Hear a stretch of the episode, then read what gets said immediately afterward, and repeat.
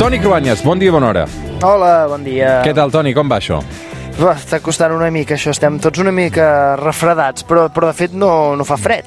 Refredats, afonies... Clar, és que o sigui, són dos anys amb els virus eh, exclusivament amagats eh, per la Covid i vigilant tots molt i, clar, aquest, aquest hivern estan fent festa. Sí, més eh, aquestes grips s'estan allargant molt, no? Ja, a la Rossell l'altre dia també vaig veure que havia, tenia afonia.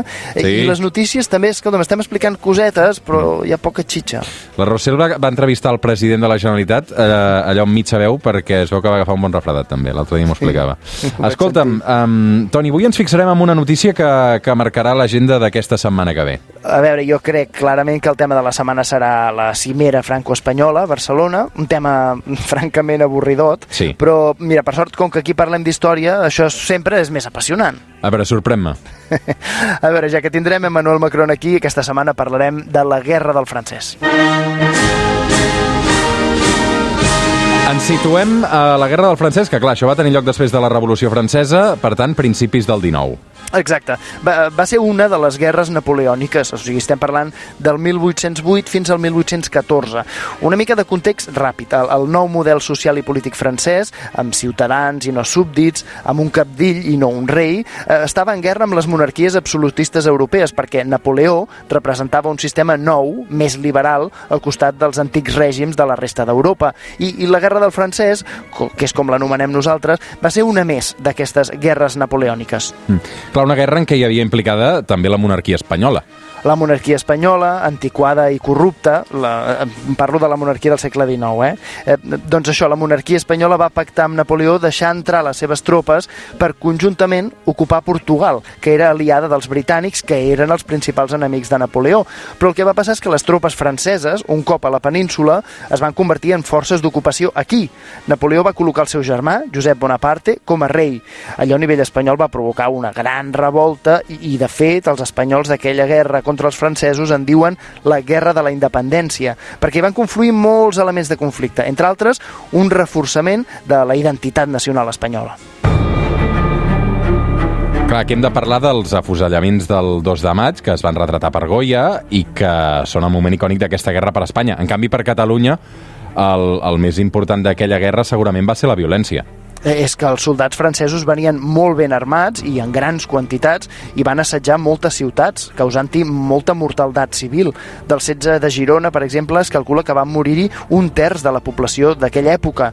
També hi va haver capítols localitzats molt cruents, com a Manresa o a Lleida, també a la mateixa ciutat de Barcelona, a la Ciutadella o al Castell de Montjuïc, que eren les places fortes militars, els soldats francesos hi van entrar amb molta facilitat perquè, clar, tenien el vistiplau inicial de l'exèrcit espanyol. Els francesos, a més, ja estaven portant a terme les teories militars de Napoleó, que eren molt més avançades. En canvi, la resposta de l'exèrcit espanyol de cara a la població catalana va ser la de la impotència a l'hora de defensar-los. I, I, en canvi, demanaven, això sí, novament, als catalans que s'allistessin a l'exèrcit per defensar-se dels francesos, cosa que una altra vegada va generar revoltes per part dels joves. Clar, i, i com es va fer fora els francesos? Doncs amb una tàctica semblant al que en diríem de les guerrilles, no? és a dir, organitzacions locals, el sometent... Eh, hi ha algunes batalles èpiques, la de Bailén o especialment la del Bruc. Una columna imponent de l'exèrcit napoleònic va entrar per la Junquera amb l'objectiu d'arribar a Manresa i a Igualada.